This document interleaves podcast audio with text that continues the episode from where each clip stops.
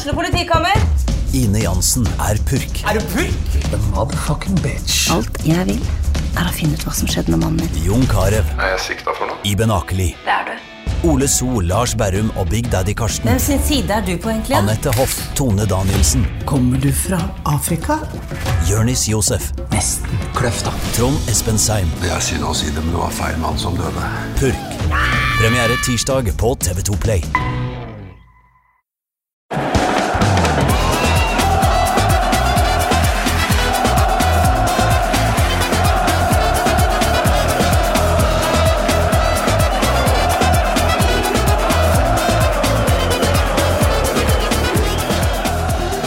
Hjertelig velkommen til en ny episode av Pyro og Pivo. I dag skal jeg, Morten Galaasen, ta dere med til 18 klippeøyer av vulkansk opprinnelse. Og det skal jeg gjøre sammen med en som har vært trener på ja, noen av disse 18 klippeøyene av vulkansk opprinnelse, nemlig deg, Julian Madsen. Velkommen. Takk for det, takk for det. Uh, tror du lytterne har skjønt hvilket land vi skal til? Eh, de som kjenner meg, i hvert fall vet hvilket land det er eh, snakk om. Men eh, alle andre er usikker. Jeg visste ikke om at det var 18 klipp og lavaøyer, eller hva du sa når jeg reiste dit. Nei, for jeg, Du merka kanskje at jeg satt med telefonen min rett før vi gikk om bord. Og det, det var jo for å google litt om Færøyene, Riktig. som er landet vi skal til. For jeg skal være ærlig, jeg har fått veldig mange, de siste par åra spesielt, så jeg har fått veldig mange henvendelser. Så er det selvfølgelig veldig mange et veldig relativt ord i Pyro Pivo-universet, men i hvert fall mer enn én, da. Som har bedt oss om å saumfare Færøyene litt eh, mer. og for meg så har ikke det vært så interessant, egentlig, for jeg, jeg skjønner liksom ikke greia. Mm. og har da heller aldri satt meg inn i verken hva landet er, hvor stort det er, eh, eller noe sånt. For meg har Færøyene alltid vært eh, et lag på tekst-TV-tabellene som ligger sist eller nest sist i sin kvalifiseringsgruppe. Og at de har noe med Danmark å gjøre. Det er egentlig der det stopper for meg, men folk vil ha Færøyene. Og jeg har jo villet ha deg en stund med på podkasten. Og ettersom du faktisk har jobba i fotballen på Færøyene, så er jo dette på høy tid, må være lov å si. Absolutt. Eh, Det er veldig på høy tid, og det var jo meningen at vi skulle få det til tidligere. Så her, ja. Eh, Og for meg eh, hadde jeg nok samme innblikk i Færøyene som du hadde eh, før jeg dro dit. Eh, jeg visste jo særs lite om Færøyene, eh, både som land og enda mindre om fotballen her. Annet enn at landslaget var så som så. Um, kjente til et par færøyske spillere som har vært i Norge, um, og det var vel egentlig det jeg hadde. Um, så var det Jeg trente Lørenskog på den tida der, eh, i tredjevisjon. Um, Det er jo hjemkommunen min, da. Riktig. Eh, Så eh, fikk jeg en telefon på slutten av sesongen der om um, Jeg trodde det egentlig var litt sånn kødd, for det var et rart nummer som ringte meg. Så søkte jeg opp hva dette var for noe, og da sto det bare Færøyene. Da tenkte jeg jeg kjenner jo ingen på Færøyene. Dette må være eh, noe Niger- Nigeria-svindel som har tatt uvante eh, veier her. Eller sånn engelsktalende anførselstegn Microsoft-folk eh, med indisk aksent. Eh. Som ringer fra nordnorske numre. Riktig. Og så eh, ringer jeg det opp, da, for han hadde nå ringt en eh, tre-fire ganger. Eh, og da var det en fyr med en litt artig dialekt. eh, sånn, jeg tenkte først dette, Jeg skjønte ikke helt hva han sa. Og så sa han 'Vil du bli trener på Færøyene?' Det forsto jeg, da. Og så sa jeg nei. eh, Jeg hadde ikke planer om det. Eh, og så spurte han, ja, for han hadde fått kontakt, han hadde kontakta med noen fotballpersonligheter, tror jeg han brukte som ord, i Norge. Mm. eh, og spurte da, og som hadde blitt tipsa om at jeg kunne være en aktuell mann. Eh, og så tenkte jeg ikke noe mer over det. Jeg sa ja, send meg en mail, sa jeg. Eh, gi meg litt informasjon om klubben og, eh, og sånne ting. Eh, og så kom det da en inn en mail, og så sto det at det var da 07 Vestur, da. eh, fra, som kom fra en øy der hvor flyplassen lå. Det var egentlig det som sto, og så var det litt sånn kort historikk. Og så så jeg det at ok, dette er en klubb som har hatt 18 trenere på eh, omtrent 18 måneder. Ja, så de har snudd bunken, og så dukker ditt navn opp? ja, jeg tror det er lett eh, gjennom alt, da. uh, Uh, og så tar jeg kontakt med Thomas Hasselgren, som var uh, utviklingssjef i, i Vålerenga. Fram til nå nylig, fram til i fjor eller noe sånt. Nå. For han hadde, jeg visste at han hadde vært på Færøyene og besøkt da, forbund, og, og han kjente jo mange av disse ledere. og da Eh, gjorde han litt research for meg, da. Og han sier at ja, det er en klubb som har uh, rike eiere. Um, bra fasiliteter i færøysk uh, målestokk, som jeg vil kanskje sammenligne med ja, godt norsk tredjevisjonsstadion. Mm. Um, ihuga supportere og veldig sånn trøkk fra nærmiljøet, da. Uh, var den tilbakemeldingen jeg fikk, så da tenkte jeg ok, ja ja. Men så sa også, fikk jeg ganske tydelig uttrykk at dette er en serie som sparker halvparten av trenerstaben hver sesong. Eh, så det, du bør ikke pakke for evig tid, på en måte. Eh, og det tror jeg man ser også nå på Betri-Delin, som er eliteserien der borte, at der tror jeg fem av ti trenere har ryket så langt denne sesongen. Eh, så det er utålmodige. Men det trigga meg litt, da. Mm. At ting er litt usikkert der. Så jeg ble nå enig om å liksom hive meg på flyet da, via Kastrup der og uh, kom dit. Og det er jo en helt sinnssyk natur der. Uh, det er jo stein som bare slår rett opp av uh, havet. Hvis Lofoten var av lava? Ja, eh, omtrent. Eh, eneste forskjellen er at det er, altså det er så mye sauer der. Eh, det finner du ikke like av oppe i Lofot-området. Ja, For det er vel det Færøyene betyr, tror jeg? Altså ja, Færøyer. For, riktig. Så, eh, så, det første og det siste du ser når du kommer til Færøyene, er en sau. Det må du også forberede deg på. Jeg som er fra fra Nordmannsgata på Kampen er jo ikke veldig vant til den slags, så det ble også en greie. Men så ble jeg tatt veldig godt imot der, fikk omvisning, eh, hadde med meg konemor, eh, som egentlig er eh, agent Jeg kaller det for usportslig leder, jeg, i heimen. og vi ble veldig godt tatt imot, og så tenkte vi ok det er kanskje et år av livet vårt, da, men, eller, eller, to eller tre. Jeg skrev en treårskontrakt i utgangspunktet. Uh, og så hoppa vi på det, rett og slett. Mm. Uh, det blei litt for eksotisk. Og hvor ofte får du en telefon fra Færøyene om, om, jobb, på en måte? Ja, Som ikke er kødd? Som ikke er kødd, ja. Jeg trodde jo lenge det var det, helt til jeg faktisk var der. Mm. Uh, så, så, mm, Nei, det blei for fristende å prøve. Altså, når du er en fotballtrener, da, jeg har alltid søkt litt andre ting enn en, en kanskje de fleste gjør. Da. Fordi at mm. For meg Jeg er først og fremst en fotballsupporter. Eh, og så er jeg ok på å bygge lag og få fram noen enkeltspill i tillegg, men jeg er først og fremst fotballsupporter. Eh, så jeg har nok en litt annen inngang til fotballen enn det mange trenere har. da. Mm. Eh, det har gjort at jeg kanskje gjort, gjort litt andre valg enn det, enn det eh, mange andre ville gjort. Ja, det, det, har du jo åpenbart eh, gjort i hvert fall én gang. og um, Du nevner jo at du er fra Kampen. Nå er vel din stilling i en klubb som ikke har noe med kampen å gjøre? Helt riktig. Du får det vel ikke mer blenda-hvitt og um, striglete enn det gjør på Hemmingbanen. Så for du er uh, daglig leder? Sportslig, sportslig leder. Sportslig leder. Mm. I Heming, som da altså Du kommer jo nesten ikke lenger vest i Oslo? Nei, det er uh, ordentlig, um, ordentlig vestkant, ja. Mm. Og det er klart, det er for en enkel gutt fra arbeiderklassen, så kan jo det være skremmende nok. Men jeg har blitt veldig godt tatt imot der også. Og etter å ha vært hovedtrener og, og jobba med fotball nesten uten ferie og pause i 16 sesonger, tror jeg det ble da.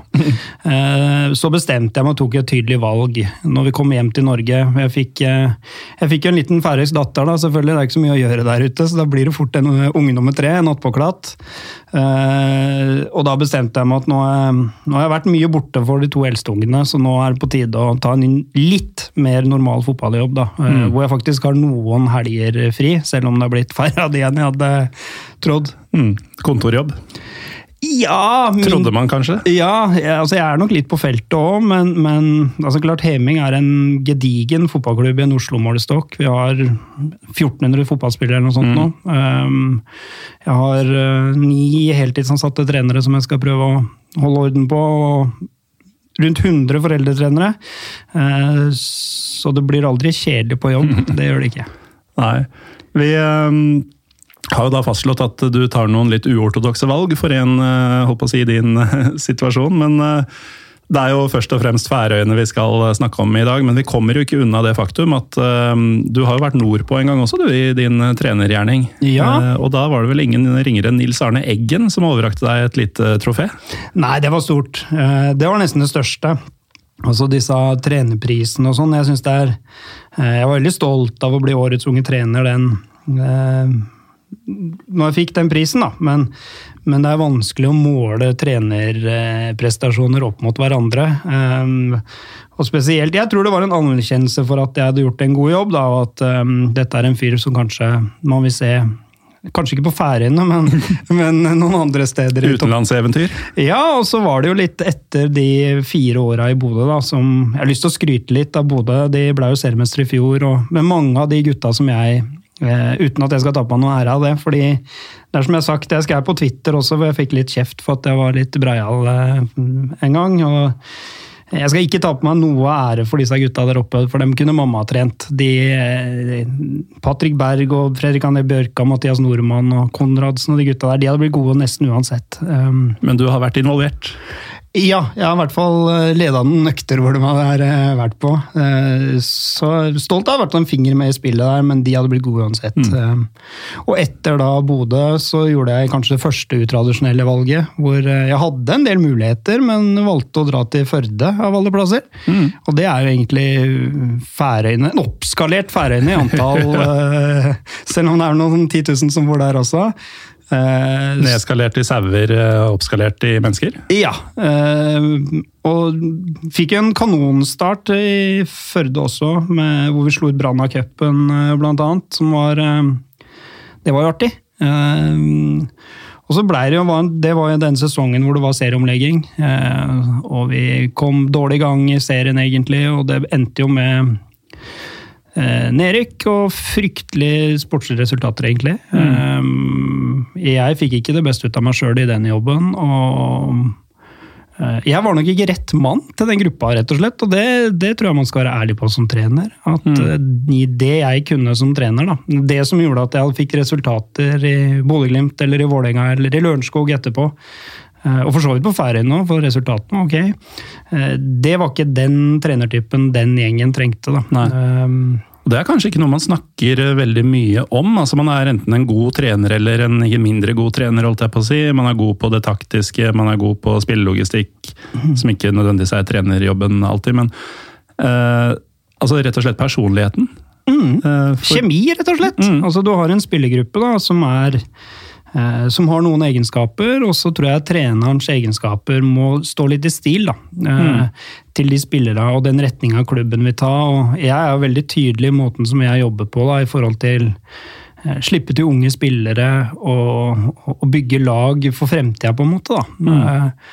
Og så var det litt sånn, Førde er jo en du, du, skal ikke ta bort fotballkulturen i Førde. Den er helt rå. Det er en av de stedene jeg har vært på hvor det har vært ordentlig trøkk. Ehm, det er det eneste stedet jeg har fått drapstrusler etter tap, f.eks. Eh, nå er ikke jeg så livredd for sånn, men det sier noe om engasjementet. Da. Eh, og når det, når det, skjer i norsk andredivisjon, så det, betyr det noe for noen. Da. Eh, så syns jeg nesten det var litt fortjent, for vi tapte mot Florø i 16. mai-kamp. Ja, det er vel ikke lov? Nei, så det var nesten så jeg hadde lyst til å sende en drapstrussel til meg sjøl òg, for det var en fryktelig opplevelse. Men er det fint å ha supportere som tar den drittjobben for deg?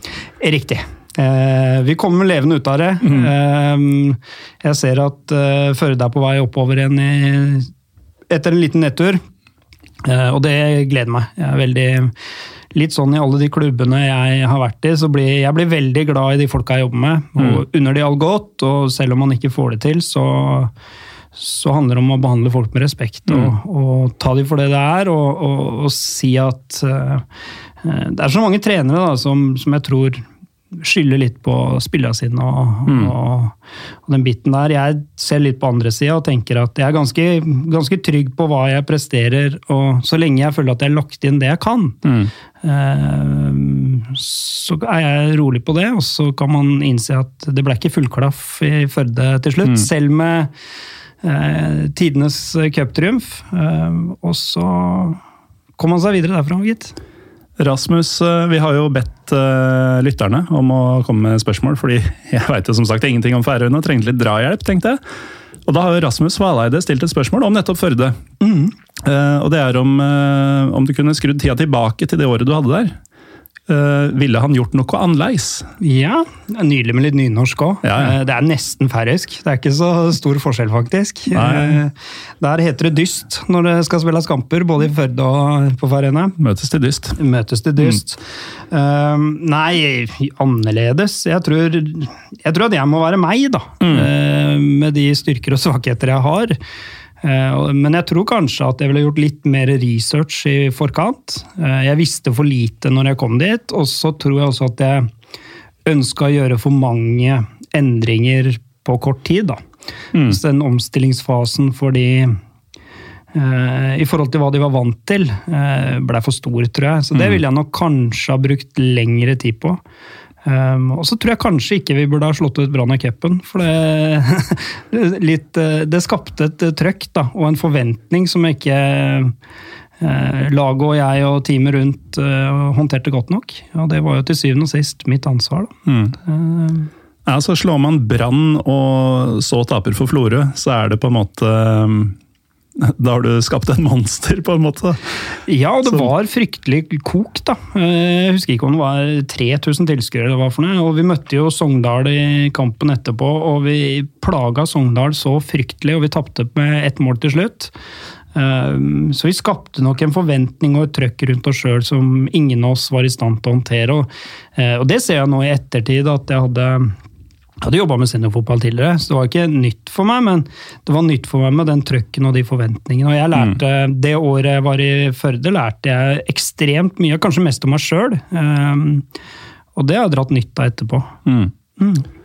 Men uh, nå har vi hatt et kvarter med koseprat, og vi, vi må jo til Færøyene. altså du har jo fortalt litt om eh, hvordan det kom til at du plutselig skulle jobbe der, men eh, hva visste du om Færøyene før eh, den telefonen kom? Nei, som sagt, veldig lite. Mm. Jeg visste jeg hadde jo hatt Det er litt sånn du, du har på et eller annet sted mellom barne- og ungdomsskolen, kanskje. Så hører man jo om et eller annet ute i havgapet der. Eh, Så, så det var veldig lite. Jeg hadde jo hørt om Tode Jønsson, som var i Start, annet. Ja. Jeg visste at han var derfra. Han hadde jo bøtta inn i København, så jeg kjente jo til noe av historien av de store heltene deres. da. Eh, Min store helt uh, i færøysk fotballhistorie må nok ha vært eh, Kurt Mørkøre. Ja. Husker du han? Han var i Sogndal. Ja, Ja. og jeg har hørt noen varianter av den historien, fordi eh, han var jo en ganske robust type, kan man si. Mm. Uh, Han var jo, For det første var han vel passert 30, tror jeg, da han kom til Sogndal.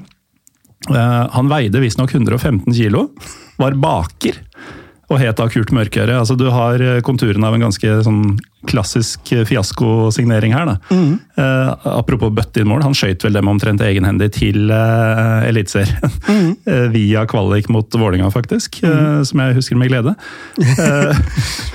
Men eh, det jeg har hørt, og nå er det noen detaljer som skurrer her, og jeg veit jo heller ikke om det er sant, men da noen av Sogndal-lederne dro vestover da, for å dra på spillerjakt, så var de visstnok ute etter enten en kjapp og teknisk ving, eller en kjapp og teknisk bekk.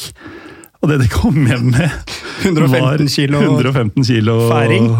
Uh, tung baker, som uh, var litt godt uh, i sin beste alder, da. Og da tenker jeg, Vi er jo veldig opptatt av mat og drikke i Pyro Pivo. Eh, Hva var det disse gutta fikk i seg da de eh, endte opp med å kjøpe med seg Kurt hjem fra rask og teknisk kantspillerjakta si? Jeg vil tippe at det var noe Fårøyabjord eh, på menyen der. Altså hvis, hvis bestillinga og leveringa var som du sier, så har de nok eh, smakt på noe av det bedre der.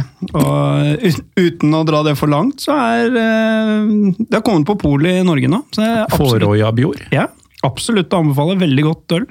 Som de, er ja. som de er fantastisk stolte av. Um, De er veldig, Færingene er veldig Jeg vet ikke om jeg skal bruke ordet nasjonalistiske, for det, det har blitt en litt sånn der, eh, betent betegnelse. Men de er veldig Patriotiske? Eh, Ja, mer det. Veldig stolte av seg sjøl og, og landet de kommer ifra, og historien sin. og de er også veldig tett knytta til Norge. Eh, De fleste færingene de stammer jo fra Vestlandet en eller annen plass. Eh, Og historisk så sier det jo at uh, de som bor på Færø- Færøyene, det var vikingene som ble sjøsyke og som ikke orka å dra videre til Island. uh, Om det er sant, det veit ikke jeg. Jeg har ikke noe historisk dekning. Uh, Ja, For det er vel sånn cirka halvveis ut den veien? Riktig. Kan og det det- også være at de ikke navigerte riktig ut fra Skottland igjen, etter å ha plyndra og herja litt der? Mulig det var noe bjord på de turene der òg, så, så skal ikke se bort ifra det. Men Nei, så jeg visste ikke all verden, altså, eh, om eh, Færøyene. Men du, det er såpass lite land, da, med 50 000 innbyggere. Så du blir jo kjent med omtrent alle sammen i løpet av eh, tre måneder.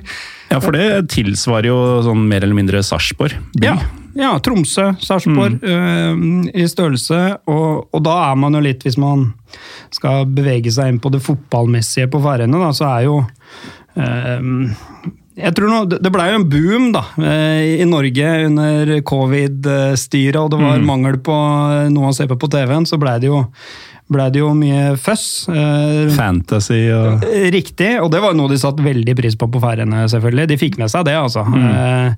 når Jesper Mathisen og co.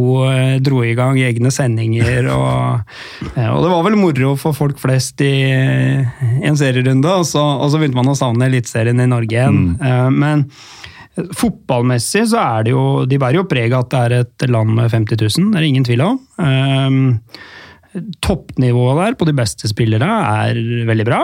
Eh, Du har en to-tre klubber som jeg tror ville ha gjort det godt i en Obos-ligasetting i Norge, f.eks.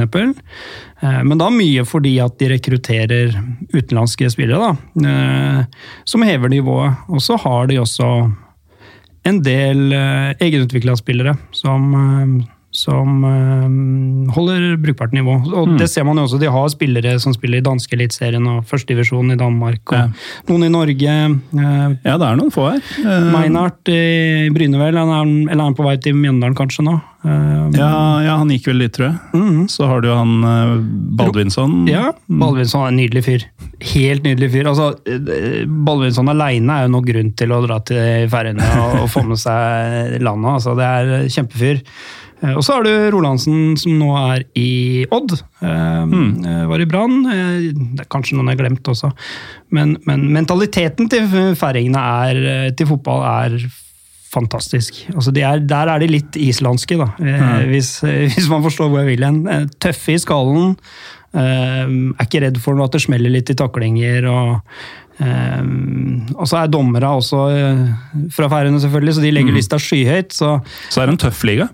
Veldig fysisk tøff liga. Det smeller, og jeg var inne på at trenere byttes ut ofte, men det er jaggu mye karantener ute og går. I andre del, av, andre del av sesongen så må du nesten regne med at du bør ha et ok juniorlag for å få gjennomført. For det, så mye kort har jeg aldri vært borti før. Og det er da med dommere som legger lista høyt. Riktig. Eh, Det sier jo litt. Ja, så, så det er nok mer litt sånn Kanskje med engelsk kultur over uh, fotballen. Det er litt som å se championship. eh, Bortsett fra at sportslig nivå i championship i dag er selvfølgelig høyere enn på Færøyene. Ja, det vil jeg tro. Um, altså, det sportslige nivået, det er, det er vanskelig for meg å forestille seg nøyaktig hvor det ligger, og det er kanskje vanskelig for deg å sammenligne òg, men eh, av eh, klubber du har vært i, da. Altså, jeg skjønner jo at et færøysk topplag ville nok slått Heming sitt A-lag, Utvilsomt. men ville de slått uh, Lørenskog eh, på tredje nivå i Norge, eller de er kanskje på fjerde nå? Ja, nei, ja, det er vel i tredje divisjon. Eh, jeg tror at det laget jeg trente, da eh, Og de var jo da i toppsjiktet på nivå to. Eh, de tror jeg ville ha slått Lørenskog, men da mest fordi at det er en helt annen fysikk. Mm. Og måten de spiller på eh, ville nok vært et sjokk for eh, Lørenskog, eh, sånn som eh, jeg kjenner dem. Eh, Så jeg tror de vil ha tredjedivisjon. De vil kanskje ha matcha en del andre divisjonslag, men der tror jeg hadde stoppa der. da, Men sånn HB, KI, eh, B68 når jeg var der, de har blitt litt svakere nå, da. Men, eh, men de toppklubbene, NSI også, som er en stor klubb mm. på Færøyene, de, de vil nok ha matcha en del Obos-lag, og så er jeg usikker på en, med en hel sesong og med så mange tette kamper, så kan en de hadde slitt. Eh, For det er klart, for de topplagene der borte så har de egentlig fem-seks tøffe oppgjør, og resten er plankekjøring. Ja, Det er også et uh, spørsmål vi har fått inn uh, som jeg stussa litt på. Jeg husker ikke hvem det var i farta, men det var en som lurte på hva kan man gjøre uh, på Færøyene for at det ikke skal stå mellom de samme fem-seks laga.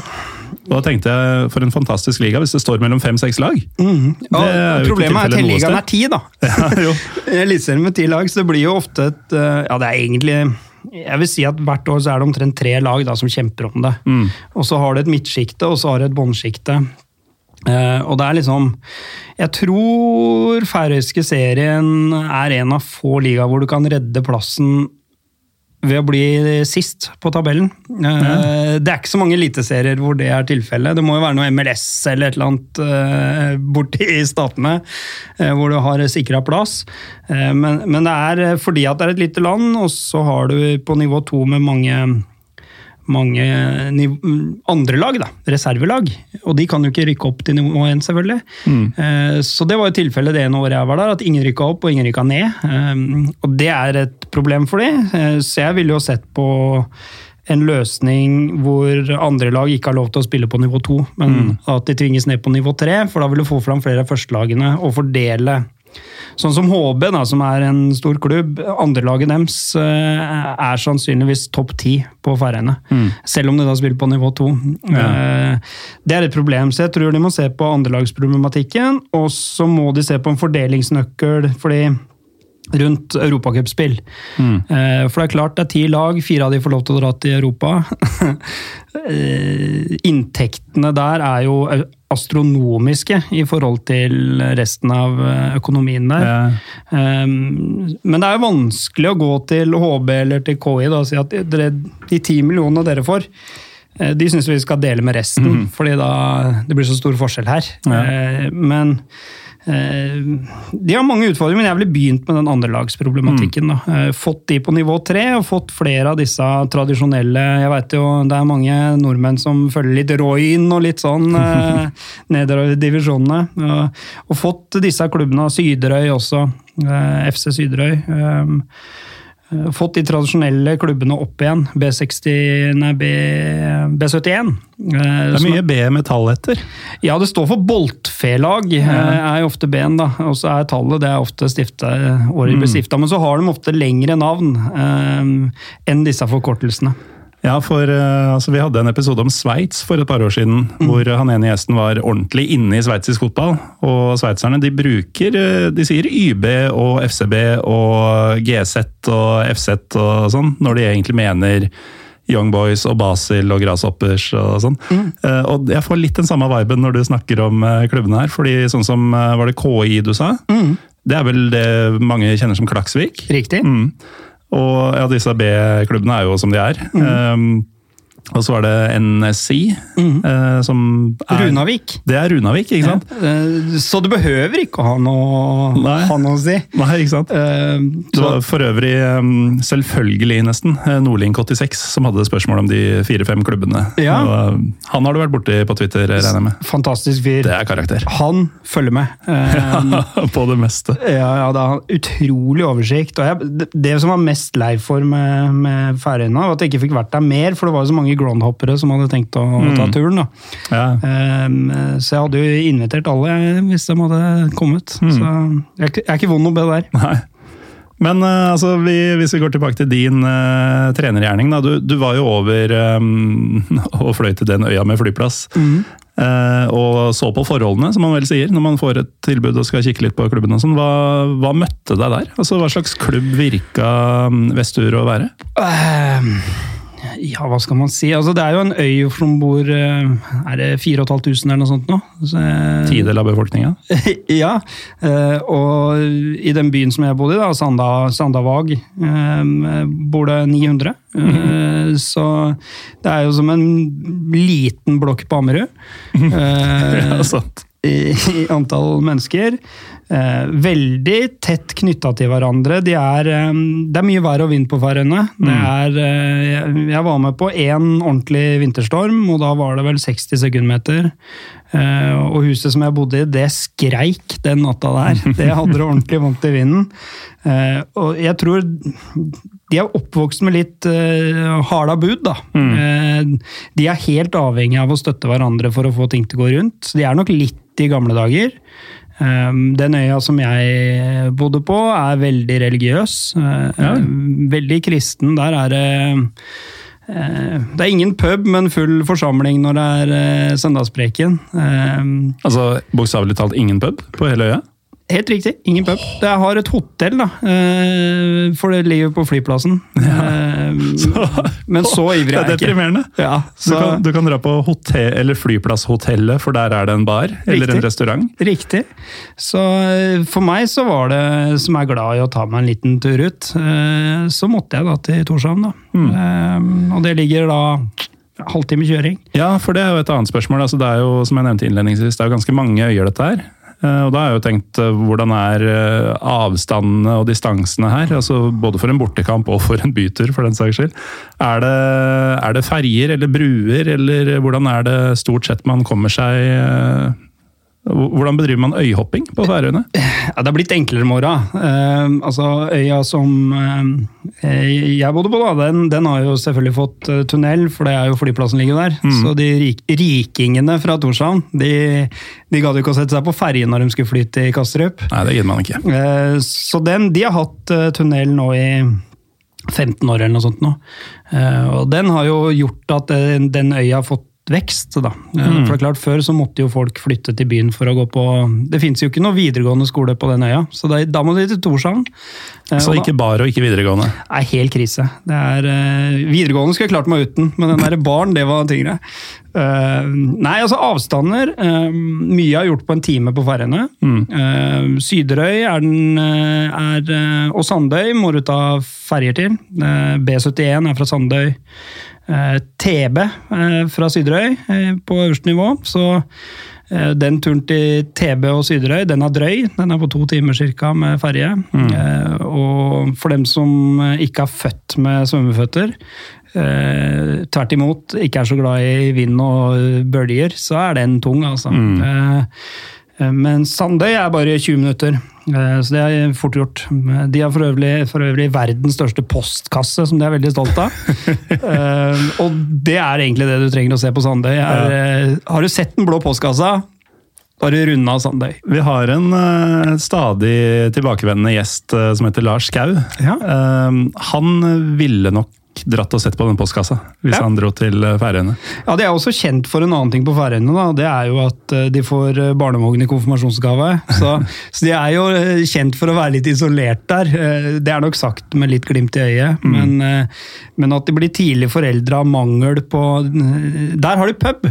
Men jeg veit ikke om det hjelper. På Sandøy? Der, ja, der, er der har de en liten, ja. en liten luring. Eh, Så man kan stikke innom og få seg et glass hvis Ja. man trenger det. Det blir nok fortere barn blant de unge når det fins bar for de unge.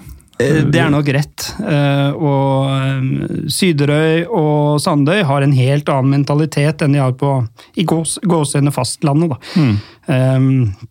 Det er jo som å komme til et lite norsk bygdesamfunn, egentlig. Eh, Alt er eh, gjennomsiktig, alle veit alt om alle. Det sladres litt i, i alle kroker og kriker. Eh, Så det er som å være en liten bygd, da. Mm. På godt og vondt. Eh, Den gode sida er jo at du eh, altså Det er ingen som maler huset sitt aleine på Færøyene. Eh, Da stiller nabolaget opp. Eh, Eller når eh, Altså, det eneste altså, vi er, De er veldig like nordmenn på mange ting, men så er det likevel eh, litt i gamle dager på en del andre ting. Um, så um, absolutt en spennende opplevelse, det, altså. Men eh, altså, du, du kommer da til Færøyene, tar jobben i Vestur. eh, skriver under en treårskontrakt. Hvor lenge var det du ble værende i jobben? Ett og et halvt år, cirka. Ja, Så du fikk i hvert fall med deg en hel sesong. Ja, det gjorde jeg. Uh, fortell litt om uh, si, hvordan det, den sesongen var. Altså Både med ja, alt smått og stort som uh, Dette blir et veldig svært spørsmål, merker jeg. Ja. Eh, ja, hvordan er motstanderne? Hvordan er tilskuertall? Er det folk som faktisk følger laget på bortebane? Ja, altså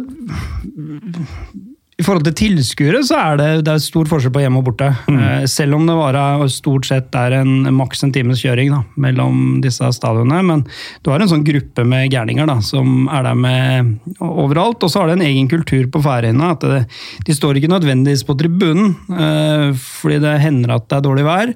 Så de sitter ofte på parkeringsplassen med biler, og når det er mål, så tutes det.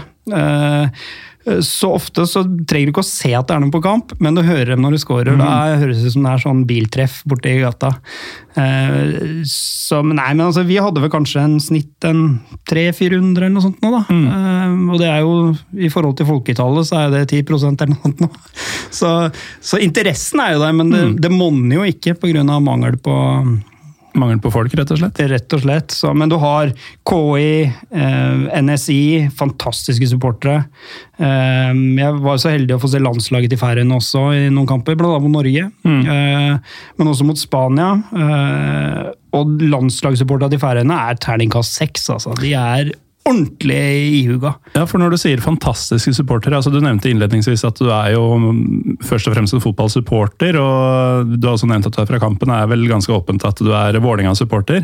Du er jo vant til at det trøkker litt på tribuner, så når du da sier at det er fantastiske supportere der, hva, hva sammenligner vi med? Altså hvordan, hvor legger vi lista?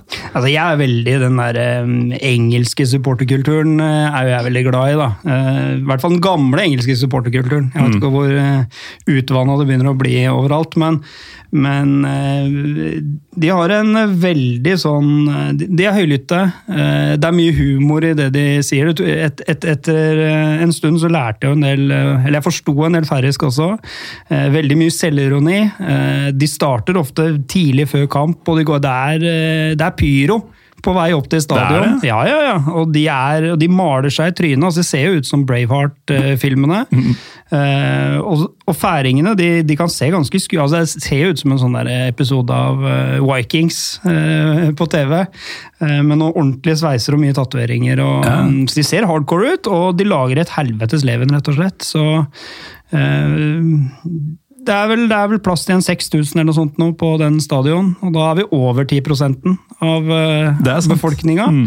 Og mot Spania var det fullsatt, og mot Norge var det nesten fullsatt, tror jeg. Uh, Rune Tribune var der òg, husker jeg. Han var nok det. Ja, så det var god stemning. Ehm, men, men det trøkket der syns jeg er fantastisk. Og jeg synes Av klubblagene, av det jeg har sett, så syns jeg det er NSI og KI, da, som, som spesielt KI eh, i Klaksvik. Der er det ordentlig trøkk. Mm. eh, og så er det selvfølgelig byoppgjøret mellom, eh, mellom eh, HB og B36. Riktig. Ja, for det har jeg lest litt om, begynner å bli en del år siden, så jeg husker ikke helt detaljene, men det var jo en eh, bok som eh, Det er faktisk en eh, journalist, skråstrek Manchester United-supporter, Andy Mitten, eh, som skrev den boka, lånte jeg bort til en jeg ikke husker hvem var, så den har jeg ikke fått sett i nå, men han eh, hadde jo da om diverse altså football's fiercest rivalries, og det var jo selvfølgelig det var Istanbul, det var Glasgow, det var Roma osv. så Uh, og så var det Torshavn. Og det ble vel uh, beskrevet som alt annet enn fierce, at det var mer sånn kanskje hyggeligste derbyet uh, i fotballen. Men eh, hvor hyggelig er det egentlig? Eh, Nei, altså det er ikke hooligans og den slags, eh, det finner du ikke. Eh, Men at det er eh, rivalisering mellom HB og B36, det er det ingen tvil om. Men så gjør jo eh, fasilitetene sånn at det er vanskelig å hate hverandre for hardt, for de deler jo stadion. Mm. Det er vel 18 meter i altså, Det som er kult, er at de har bygd hver sin tribune. Så, Å, eh, på langsida så langsida er egentlig delt i to. Mm. Den ene har B36, og den andre har HB. og Da har de da klubbhusene sine da, i, eh, rett ved siden av hverandre.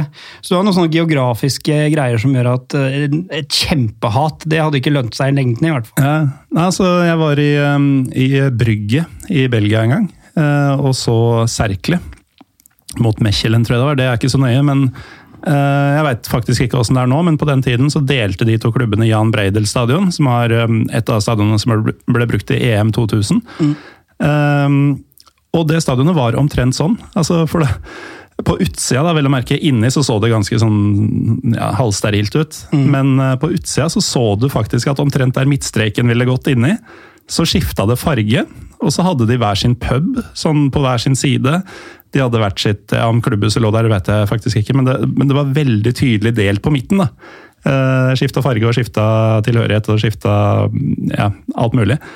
Uh, og det var litt sånn Det var veldig rart da. Mm. Uh, og så har jeg jo skjønt etter hvert at det er litt mer vanlig enn enn jeg kanskje har trodd. da. Blant annet så har de gjort noe lignende nå i Adana i Tyrkia. Mm. Og den dagen de to klubbene er i samme liga igjen, da skal jeg like å se Da blir det trøkk. ja, jeg, jeg tror ikke noen av dem er spesielt fornøyd med den løsninga. Mm. Men de har fått nytt stadion, da. Uansett, nå er det jo Torshavn vi snakker om. Ja, nei, men også ser man jo også det at de eh, nå, eh, Jeg tror i gamle dager da, så var det ingen som gikk imellom de to klubbene. Mm. Det har nok blitt mer og mer vanlig eh, etter hvert. Og så har du jo da eh, et steinkast, og da mener jeg et steinkast unna den stadion, så ligger jo da Torsvoller, da, som er nasjonalarenaen, hvor landslaget spiller. Viktig med påfyll. Ja da. Uh, og, så de spillere, det er jo HB og B36 har jo ofte mye landslagsspillere. Eh, Blant de som har flest av de færøyske, da i hvert fall. Eh, så de, nå bytter de ofte klubb ved å gå 15 meter mellom garderoben, og så er de oppe på den nasjonale arenaen og tar noen landskamper. Så ting er lokalt. da. Det er kortreist Ja. eh, moro eh, på Færøyene. Ja, og så er det kanskje tilbake til det med at det er vanskelig å hate hverandre for hardt. Eh, Du skal kanskje ikke kaste ting på supporterne av det andre laget når du trenger samme fyr til å male huset ditt eh, om tre dager. Helt riktig. Eller at det er presten, som, eh, som faktisk var tilfellet i ene matchen vi møtte B68. Og de hadde en venstrebekk som var så jævlig ufordragelig. Altså, han var ordentlig bussemann da, ute på banen her. Slang med leppa, svært skjegg og ja, så ordentlig gæren ut.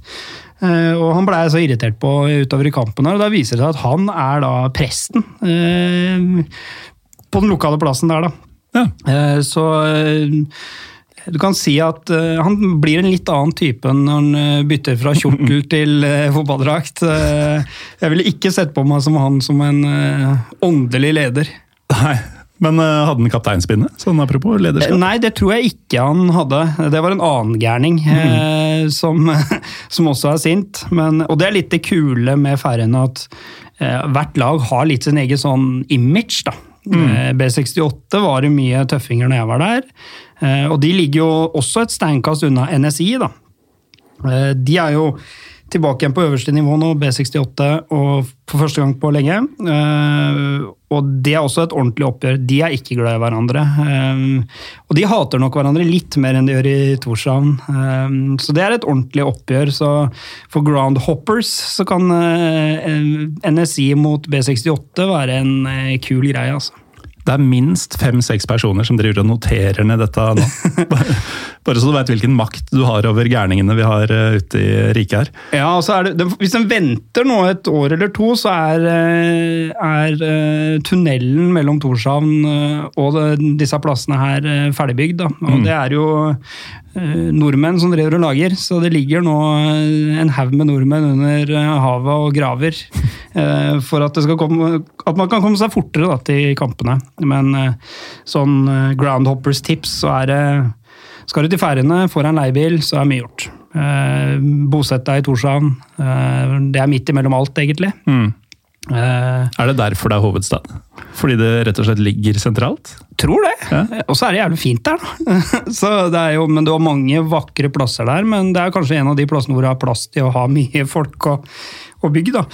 Eh, så jeg er usikker på historien rundt det. Men, mm. men de er jo tett som jeg sa, tett knytta til Norge. De har jo Nasjonaldagen, er jo Olavsøko, som det heter. Eh, jeg fikk jo oppleve det en gang, og det var helveteleven. Det var uh, 17. mai og julaften og alt på der. uh, der var det fest uh, inne i der, Jeg tror de sa at det var 25 000 eh, inne i byen og festa. Eh, og det er klart Halve kongeriket? halve kongeriket. Eh, Jeg så ikke prinsesser og det, det, det som handler om. Det, det gikk rykter om at danske dronninga var der. Eh, Jeg så henne ikke, men eh, da var det liv og leven, ja. Mm. Hadde vært altfor folkelig om du bare hadde fått øye på den danske dronninga midt i mylderet der. Jeg hørte nå at hun var der faktisk nå, for jeg har jo litt eh, kontakt. Jeg snakker med noen av disse. Så hun hadde vært der, hun måtte da i ti dagers karantene. Eh, Hjalp ikke å være kongelig der i gården. Så hun lå da på hotellet med barn på øya som jeg bodde. Så her er det Det er hotellet, det. Så, Ja, for hun er vel, altså Margrethe den annen, eh, er vel eh, altså statsoverhode. Korrekt. Hun var rett i karantene. Rett i karantene. Det Der- er så nydelig. Ja, der er, uh, der er folk folk, og de bryr seg ikke så mye om uh, den. Men jeg, altså, jeg tror den øya Det er litt artig òg, for den øya som jeg kommer ifra Eller kommer ifra, ser Ja, du. nå Jeg har blitt, uh, blitt lokalkjent og alt på en gang her. Blitt assimilert. Riktig. Nei, der jeg bodde, da. De var veldig motstandere av Danmark-samarbeidet. De kommer jo fra eh, og Det handler om hvor de kommer ifra og hva som har vært næringa de siste 200 åra. Og de er jo fiskere, stort sett. Mm. De som er mye eh, Før var det jo ut og gjøre jobben, nå har det blitt mer sånn laksevarianter. eh, Kortreist, eh, doper dem og får de store og selger til utlandet, litt sånn som vi nordmenn driver med. Eh, og det, de er jo opptatt av å ikke ha så mye handelsavtaler og måtte skatte til Danmark. Og, Så de var veldig motstandere, mens det var andre på Færøyene som ser nytten i å samarbeide med Danmark. Men De har jo noen fordeler med det. Eh, De som Som sagt så har de ikke, hadde ikke videregående på øya jeg var, men de har heller ikke alle studiemuligheter på Færøyene. Så det er veldig mange som da tar diverse utdanninger eh, i København, hvor de da får garantert å få plass, blant annet. Da, noe som selvfølgelig irriterer de danske. At disse jævla folka ute i havet kommer og tar studieplassene våre. Um, så det er nok litt sånn eh, dobbeltsidig diskusjon. Eh, Det har vært litt sånn i gåsehudet brexit fra Danmark-prat eh, der også. og Den øya jeg bodde på, var veldig tilhenger av å stå aleine. Mm. Farexit. Ja, Farexit. Um, men eh, altså, tilbake til ditt uh, halvannet år som trener der. Da. Altså, hvordan hadde du det? Både profesjonelt og um, sivilt? Eh, Profesjonelt så hadde jeg det bra i starten. Um, Det var uh, Personlig og privat så var alt veldig bra hele veien. Eh, Trivdes kjempegodt. kjempegodt hadde, fikk den, alle tok veldig godt imot oss. Kona jobber jo i barnehage. Eh, Jobba i barnehage der også. Eh, Ungene gikk på skolen. Det er klart de hadde noen sånn språkutfordringer, for der var det ikke noe sånn at de fikk eh, utdanninga på norsk. Eh, det var på færøysk. Eh, eh, men de er jo tilpasningsdyktige, disse Madsens. Så de Hvor gamle er disse to? De er, Eller var da? ja, de er 14 var hun da hun eldste, og sønnen min var 9. Og så, så de var jo Mm. Eh, Så det var nok et eh, stort steg for de. Da. Det var, var nok verre for de enn det var for meg. Eh, Hun eldste var nok den som syntes det var vanskeligst, av naturlige årsaker. Mm. Ja, ja. Eh, Men disse ungene mine har jo nesten blitt litt uh, sigøynere. Uh, uten å ville det selv, holdt jeg på å si, fordi vi har jo flytta land og strand rundt. Ja. Så, så de er vant til, å, vant til å måtte omstille seg, men denne var nok bråere for dem, Mm. og mye pga. språket. Ikke så mye pga. kulturen. Og, Altså, hvor vanskelig er færøysk? Når du er, eh, altså, la oss si at du er god i norsk og engelsk, da, som man gjerne er når man kommer fra Norge. Eh, Færøysk er vanskelig Altså, det er, det er mer likt islandsk. Ja, ikke sant? Eh, Så, men det er ganske enkelt å sette seg inn i hvis man vil. Mm. Men det kan du prøve å fortelle til en 14 år gammel jente at nå skal du lære deg et nytt språk. Det behøver ikke å være Mm. Akkurat røska vekk fra vennegjengen i tenåra og sånn. riktig. Så det var ikke det enkleste, men jeg syns språket var Jeg coacha første tida på engelsk. Eh, De, de lærer jo dansk på skolen. Mm. Eh, Men jeg syns det var enklere å gjøre det på engelsk enn å fordanske mitt norske språk. Eh, Du er ikke Ståle Solbakken. Nei, det er ikke noe, jeg er ikke helt der. Så, eh, men etter hvert så begynte de å kjenne meg, og da ble det mer og mer på norsk. Så, så etter hvert så coacha jeg på norsk, og, og det syns jeg var deilig. Og det sportslige, da. Så private var bra. Litt utfordringer med, med spesielt eldstedattera, men det forstår jeg veldig godt. Og veldig, hun var veldig glad når vi kom tilbake igjen til Norge. Og, så når pappa fikk sparken, så var det var det en som jubla, eh, for da skulle jeg hjem til familie og venner eh, på gode gamle Østlandet igjen. Endelig fikk pappa sparken, sa Ja, tenåringsjenta. Hun var glad for det. Så, så, men den første sesongen var eh, Han som var styreleder når jeg ble ansatt, han hadde jeg veldig sansen for. Veldig offensiv type. Ønska å bygge noe nytt og noe spennende, for de var kjent for å være laget som henta dyre utlendinger og ikke fikk det til likevel. Mm. så mitt prosjekt var jo uh, bygge opp eh, et lag med, med lokal forankring og yngre spillere. Eh, men vi måtte også ha en miks, da. Eh, Mm. Men jeg gikk jo mer på spillere som var færøyske. eh, Ikke så mye serbere og den slags som det var mye av der fra før. Hvordan eh, overtaler man en serber til å komme til Færøyene? Du drar fram efter. ja, det er kroner i kassa. Ja, kroner, eh, så er det, så er det i orden. Ja. Uh, nei, de har en helt annen uh, altså, For dem er det mulighet da, økonomisk. Ja. Uh, og du får, jeg, fikk jo, jeg hadde jo én serber i den tida jeg var fra, og han hadde jo spilt Eliteserien i Serbia i ti år. Ja, for det, det her jeg ikke fått til å gå opp. Sånn, vi har snakka mye om hvor lite Færøyene er og sånn. Men det virker jo å være penger i fotballen her. Hvor, hvor kommer disse fra? Er det fiskepenger og sauepenger og ja, Eh, gårdspenger? I klubben jeg var i, så var det en av Færøyenes rikeste menn som, som spytta inn penger. Han er lakse, laksebaron. Der har du det. Laksur. Jeg vet ikke om det heter det engang. Eh, men han- Sikkert. Ja, helt sikkert. Men han, eh, han spytta en del penger, da, og annet betalte lønna mi og, og en del av spillerne. Da, så det var et spleiselag der for å få det til. Eh, mens nå er jo den triste utviklinga, og den bekymrer meg litt, for jeg blei jo glad i færøysk fotball og eh, har fortsatt tett kontakt med mange der. Eh, og det er at disse bettingselskapene eh, begynner å røske til i klubbene og går inn med penger. Eh, og da kommer fotballsupporteren i meg fram, ikke sant? og ikke fotballtreneren. for det denne profesjonelle fotball, altså Jeg er veldig glad for at fotballen blir profesjonalisert, og at eh, vi er på en rett vei, både i Færøyene og i Norge, for den saks skyld. Men til, det må være noen grenser, da.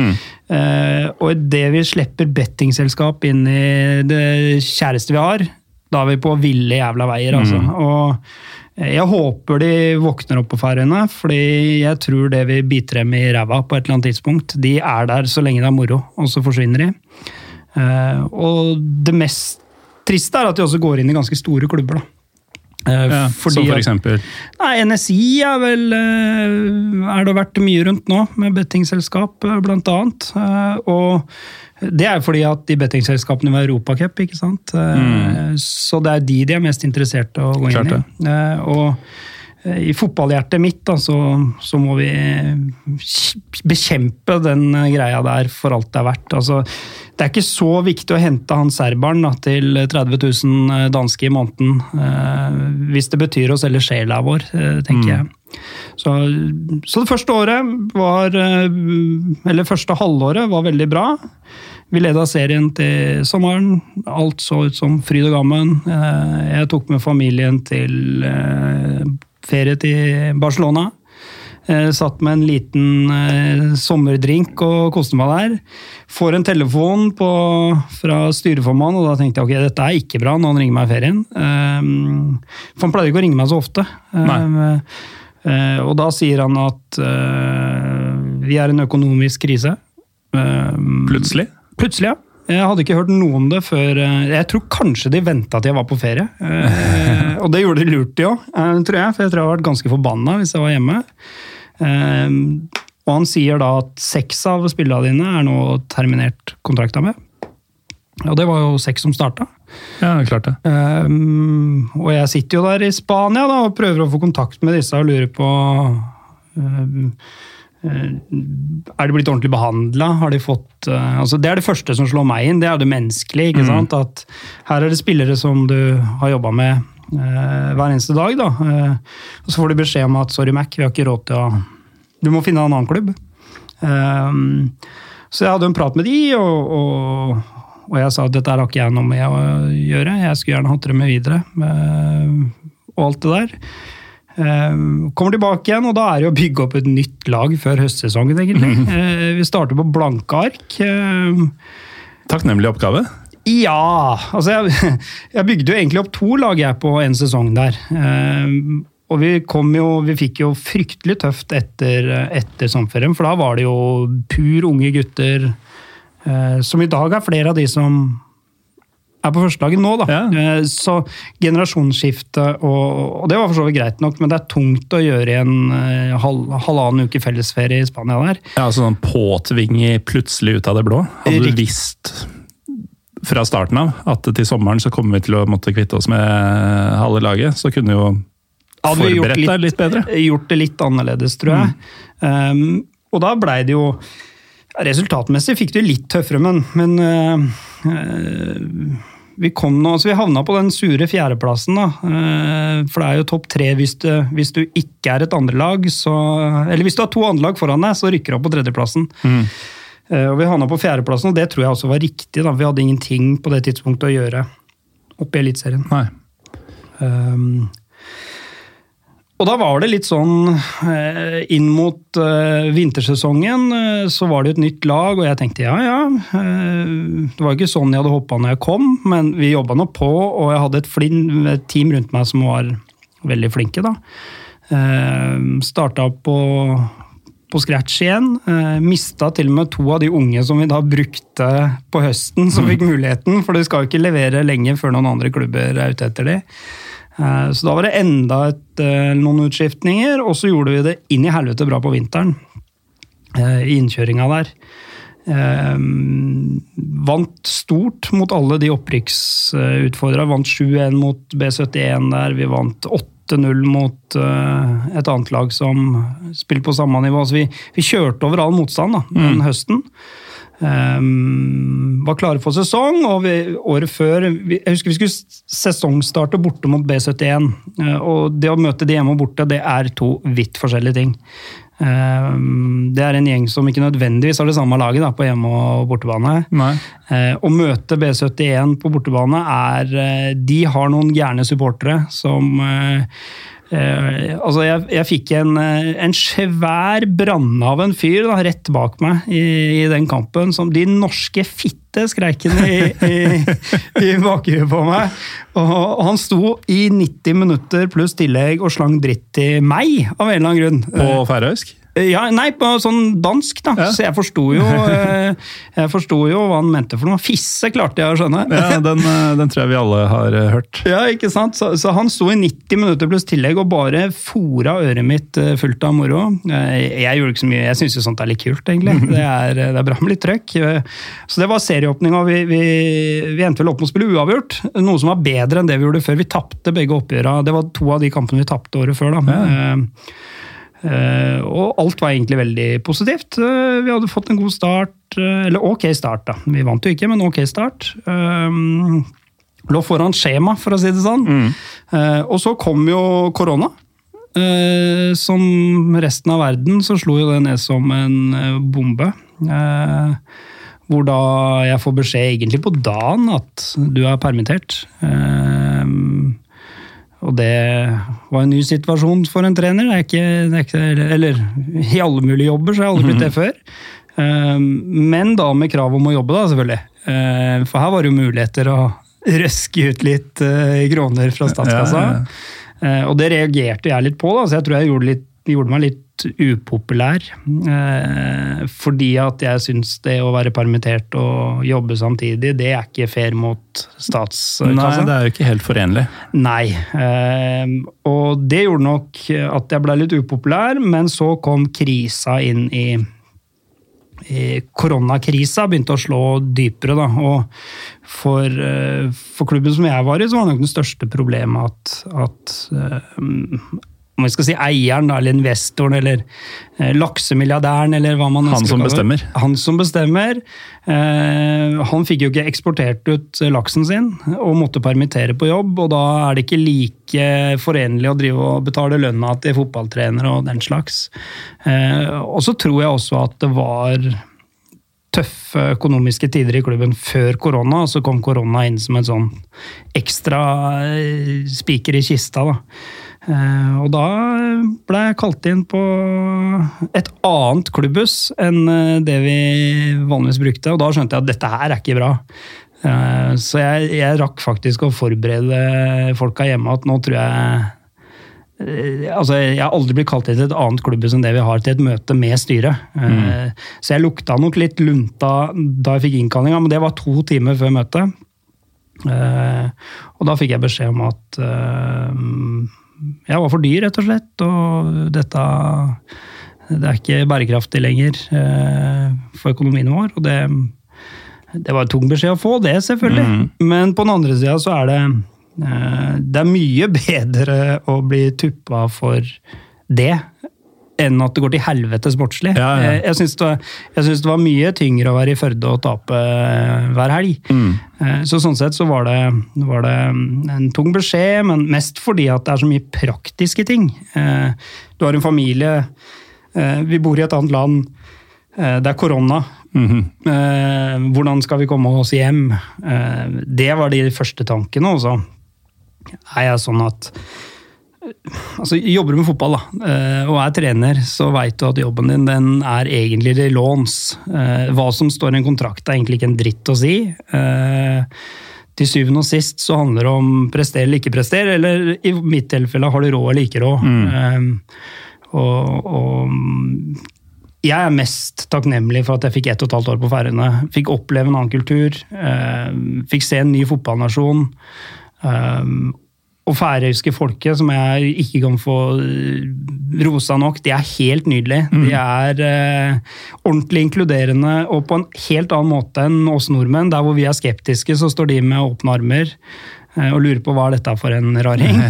Eh, og, så jeg, jeg har tatt med meg de positive tingene, og det er det jeg egentlig ønsker å ha fokus på. da. Eh, og om jeg ble en bedre trener av å være på Færøyene? Jeg veit ikke. Det er vanskelig å si det, men jeg tror det. Ja. Det var i hvert fall en enorm erfaring. Da, og eh, vel så mye menneskelig som kanskje fotballmessig. Da. Som vi jo var litt inne på i stad, er en stor del av trenervirket. Absolutt. Men uh, dette nevnte vi jo litt uh, tidligere, at uh, vi skulle jo egentlig lage denne episoden for om det var over et år siden, eller hva det var. Og så var alt klappa og klart, og så får jeg en melding fra deg sånn om det var et par dager før vi egentlig hadde tenkt å spille inn, om at nå må vi legge den her på is litt, for nå er det masse styr med advokater og sånn. Og det var egentlig det du sa, eh, og jeg verken ville eller ønske, kunne grave noe særlig mer, tenkte jeg. men det er jo da det her som foregikk eh, på den tiden. Ja, altså det blei jo en prosess i etterkant. Eh, Man er jo aldri glad for å Jeg ble, fikk jo aldri sparken, jeg blei sagt opp, eh, som det heter, da.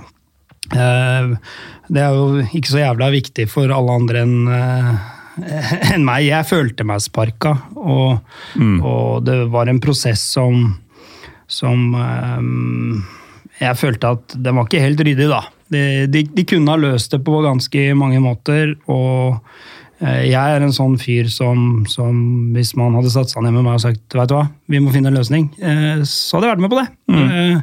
så, så jeg tror de kunne gjort det på en litt mer smooth måte.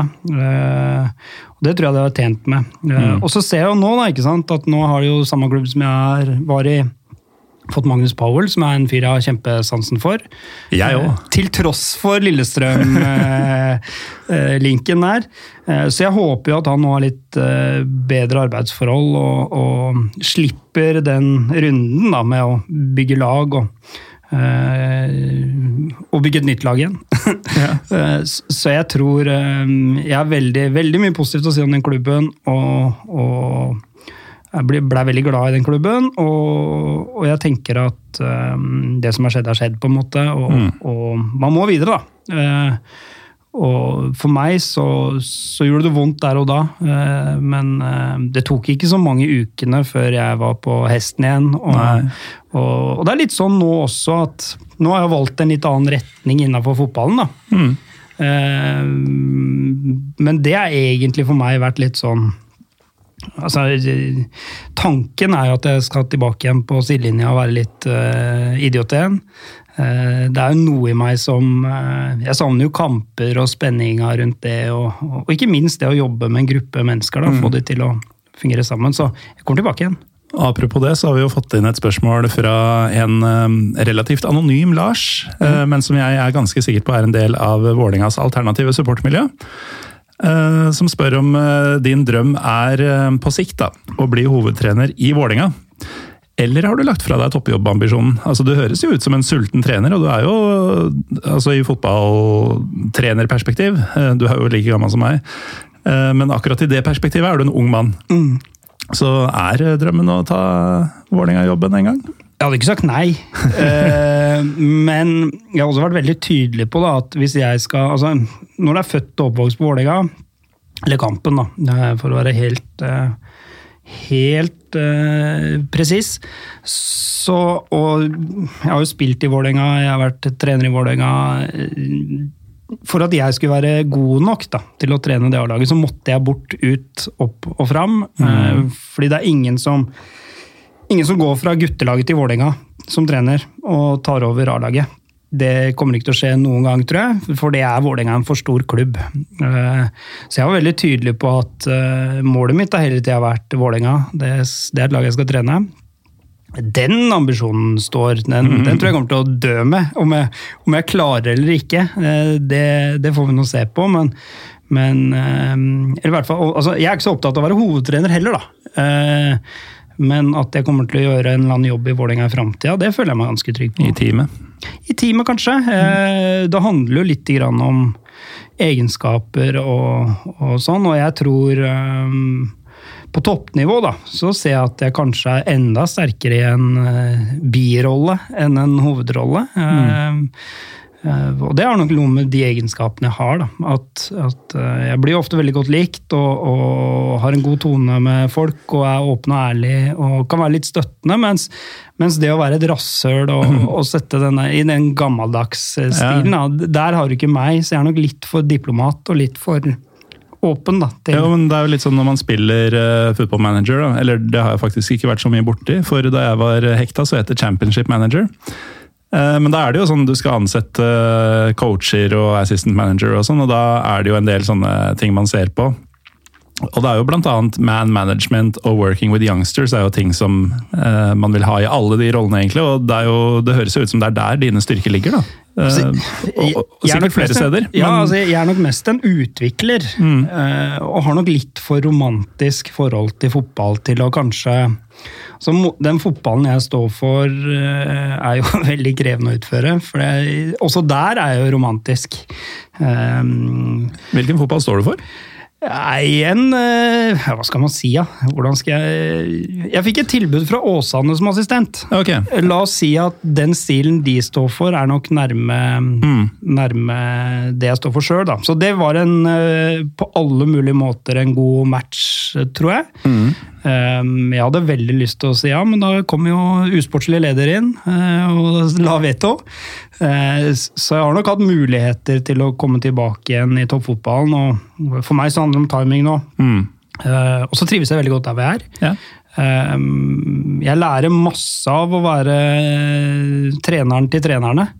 Eh, Det er en helt annen Jeg trodde det å trene fotballspillere var vanskelig. Det var før jeg begynte å trene trenere. Så, så jeg trives veldig godt med det. Ja. Helt uh, til slutt, Julian. Uh, som jeg nevnte, vi er jo veldig glad i både mat og drikke her i Pyro Pivo. Hva er det du savner mest uh, av ting du fikk på bordet på Færøyene? For du, selv, selv om du ikke hadde pub på din øy, så var du vel litt ute og prøvde det, de lokale delikatessene? Ja, jeg var i hvert fall med på en sånn mediagig, eh, hvor de dro noen av disse utenlandske trenere og spillere for å teste litt mat, og det var jo helt uh, krise. Eh, Det var det? Ja, ja, det var jo hval og måke og faen skjæra. Så det, Skjære også? ja, jeg vet ikke gud veit hva jeg fikk. Eh, Det var i hvert fall noe måke, og Mm. så var det hval, da. Eh, Men det jeg fikk veldig sans for, altså lam det, Det er svært på Fårøyene. det er, og det kan de behandle, da, for å Mm. si det sånn. Så jeg spiste noen fantastiske lammevarianter der. Mm. Jeg er ikke så fan av den der eh, råtne varianten som de spiser som snacks. Eh, Hva, av- av lam? Ja, ja, de tar sånn sauekjøtt, og så Jeg vet ikke hva det heter for noe engang. Ja. De- De lar det ligge ute. Det er ordentlig gladråttent, da, og det lukter jo helvete. Og det dytter de da i seg med en liten knert, da. Fordi, Ja, for- akevitt er de gode på. De drikker akevitt, ja. Ja, det er de gode på. Eh, Så hvis man er glad, glad i sånt Jeg er jo ikke noe særlig fan av det, men uh, uh, det er de gode på, sier de. De som Så- kan det. Råttent lam og akevitt. Da har du en hel aften er i Torshavn. Da er du i Torshavn. Da er du i Torshavn. Alright, uh, Julian Madsen, takk for at du endelig fikk uh, tid og ork og um, legale muligheter til å bli med på Pyro Pivo. Det var på høy tid. Og Absolutt, og veldig hyggelig å være her. Og så håper jeg nå, når Marius Helgå hører dette i en bil på vei til eh, langt opp i Nord-Norge et eller annet sted, ikke kjør av veien. Vi er glad i deg i norsk fotball, så vi trenger deg litt grann eh, lenger. ja, det, det trenger vi faktisk i Pyr og Piv også, fordi vi har jo en førjulstradisjon hvor eh, Marius Helgå sånn i årets siste episode eh, kommer og forteller om breddekampen han har vært på i året som gikk. Det skjedde også i fjor, faktisk. Jeg tror han bikka 50 matcher i 2020. Det er ganske godt gjort. Han er helt enorm. Han har vært på Hemmingbanen allerede i år. Ja, tviler jeg ikke på. Strålende fyr. Strålende fyr. Det er du også, Julian. Takk for det. Det er også du som hører på. Eh, Jeg har jo ymta frampå, kjære lytter, at det blir en live-gig i Trondheim i forbindelse med episode 200. Nå kan det hende at detaljene kommer ut allerede i morgen eller eh, i dag, eller hva det nå skulle være. Men dersom ikke, så er det altså Trondheim 8. oktober. Det ligger an til å bli klokka halv sju på kvelden. Det er jo en fredag. Og jeg har jo også nevnt at det kommer til å være en veldig pyro-pivosk eh, aften. Pivo er et stikkord, så får du følge med på Pyro Pivopod på Twitter og Instagram for eh, å finne ut mer så fort som vi har dette helt offentlig. Jeg heter Morten Galesen, takk for at du hørte på. Vi er tilbake neste uke.